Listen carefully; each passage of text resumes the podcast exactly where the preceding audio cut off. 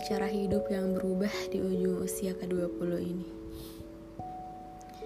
Kalau di bulan-bulan sebelumnya saya menjadi orang yang rela melakukan usaha apa pun untuk mengejar ambisi dan target-target, hari ini saya menjadi orang yang sangat rela untuk mengambil jeda agar dapat berpikir sejenak. Hmm, terkadang cukup lama sih dalam melakukan apa pun untuk mengejar segala target yang sudah saya rencanakan dengan cukup dan sangat matang.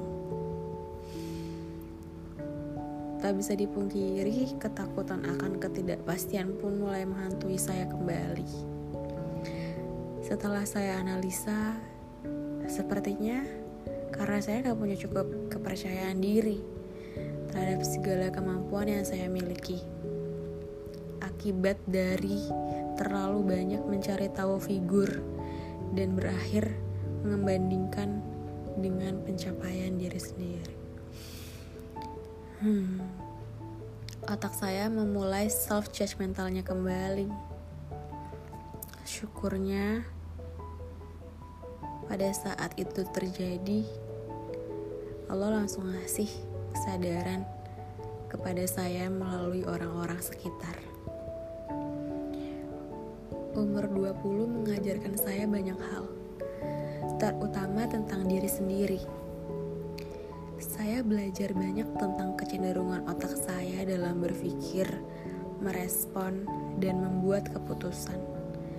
Termasuk bidang apa aja yang saya nggak punya banyak kemampuan di dalamnya. Bukan berarti membatasi diri sendiri, tapi tahu diri. Sebuah realita yang selama 19 tahun kemarin saya abai alias gak sadar dan ngotot sama otak sendiri kalau saya adalah orang yang serba bisa.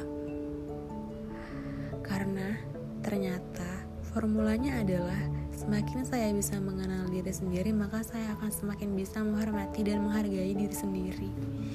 Yang justru dimulai dari sinilah semangat cara berpikir untuk bermanfaat bagi orang lain itu muncul bukan karena alasan melakukan kebaikan itu untuk siapa-siapa, melainkan karena tahu kebaikan itu akan berbalik ke diri sendiri. Sejarah terlalu banyak membuktikan banyak pemuda-pemudi usia 21 tahun yang telah menjadi penggerak zaman sebuah hal yang menjadi tamparan bagi saya sendiri. Kontribusi apa yang mau saya persembahkan untuk adil dalam kebermanfaatan?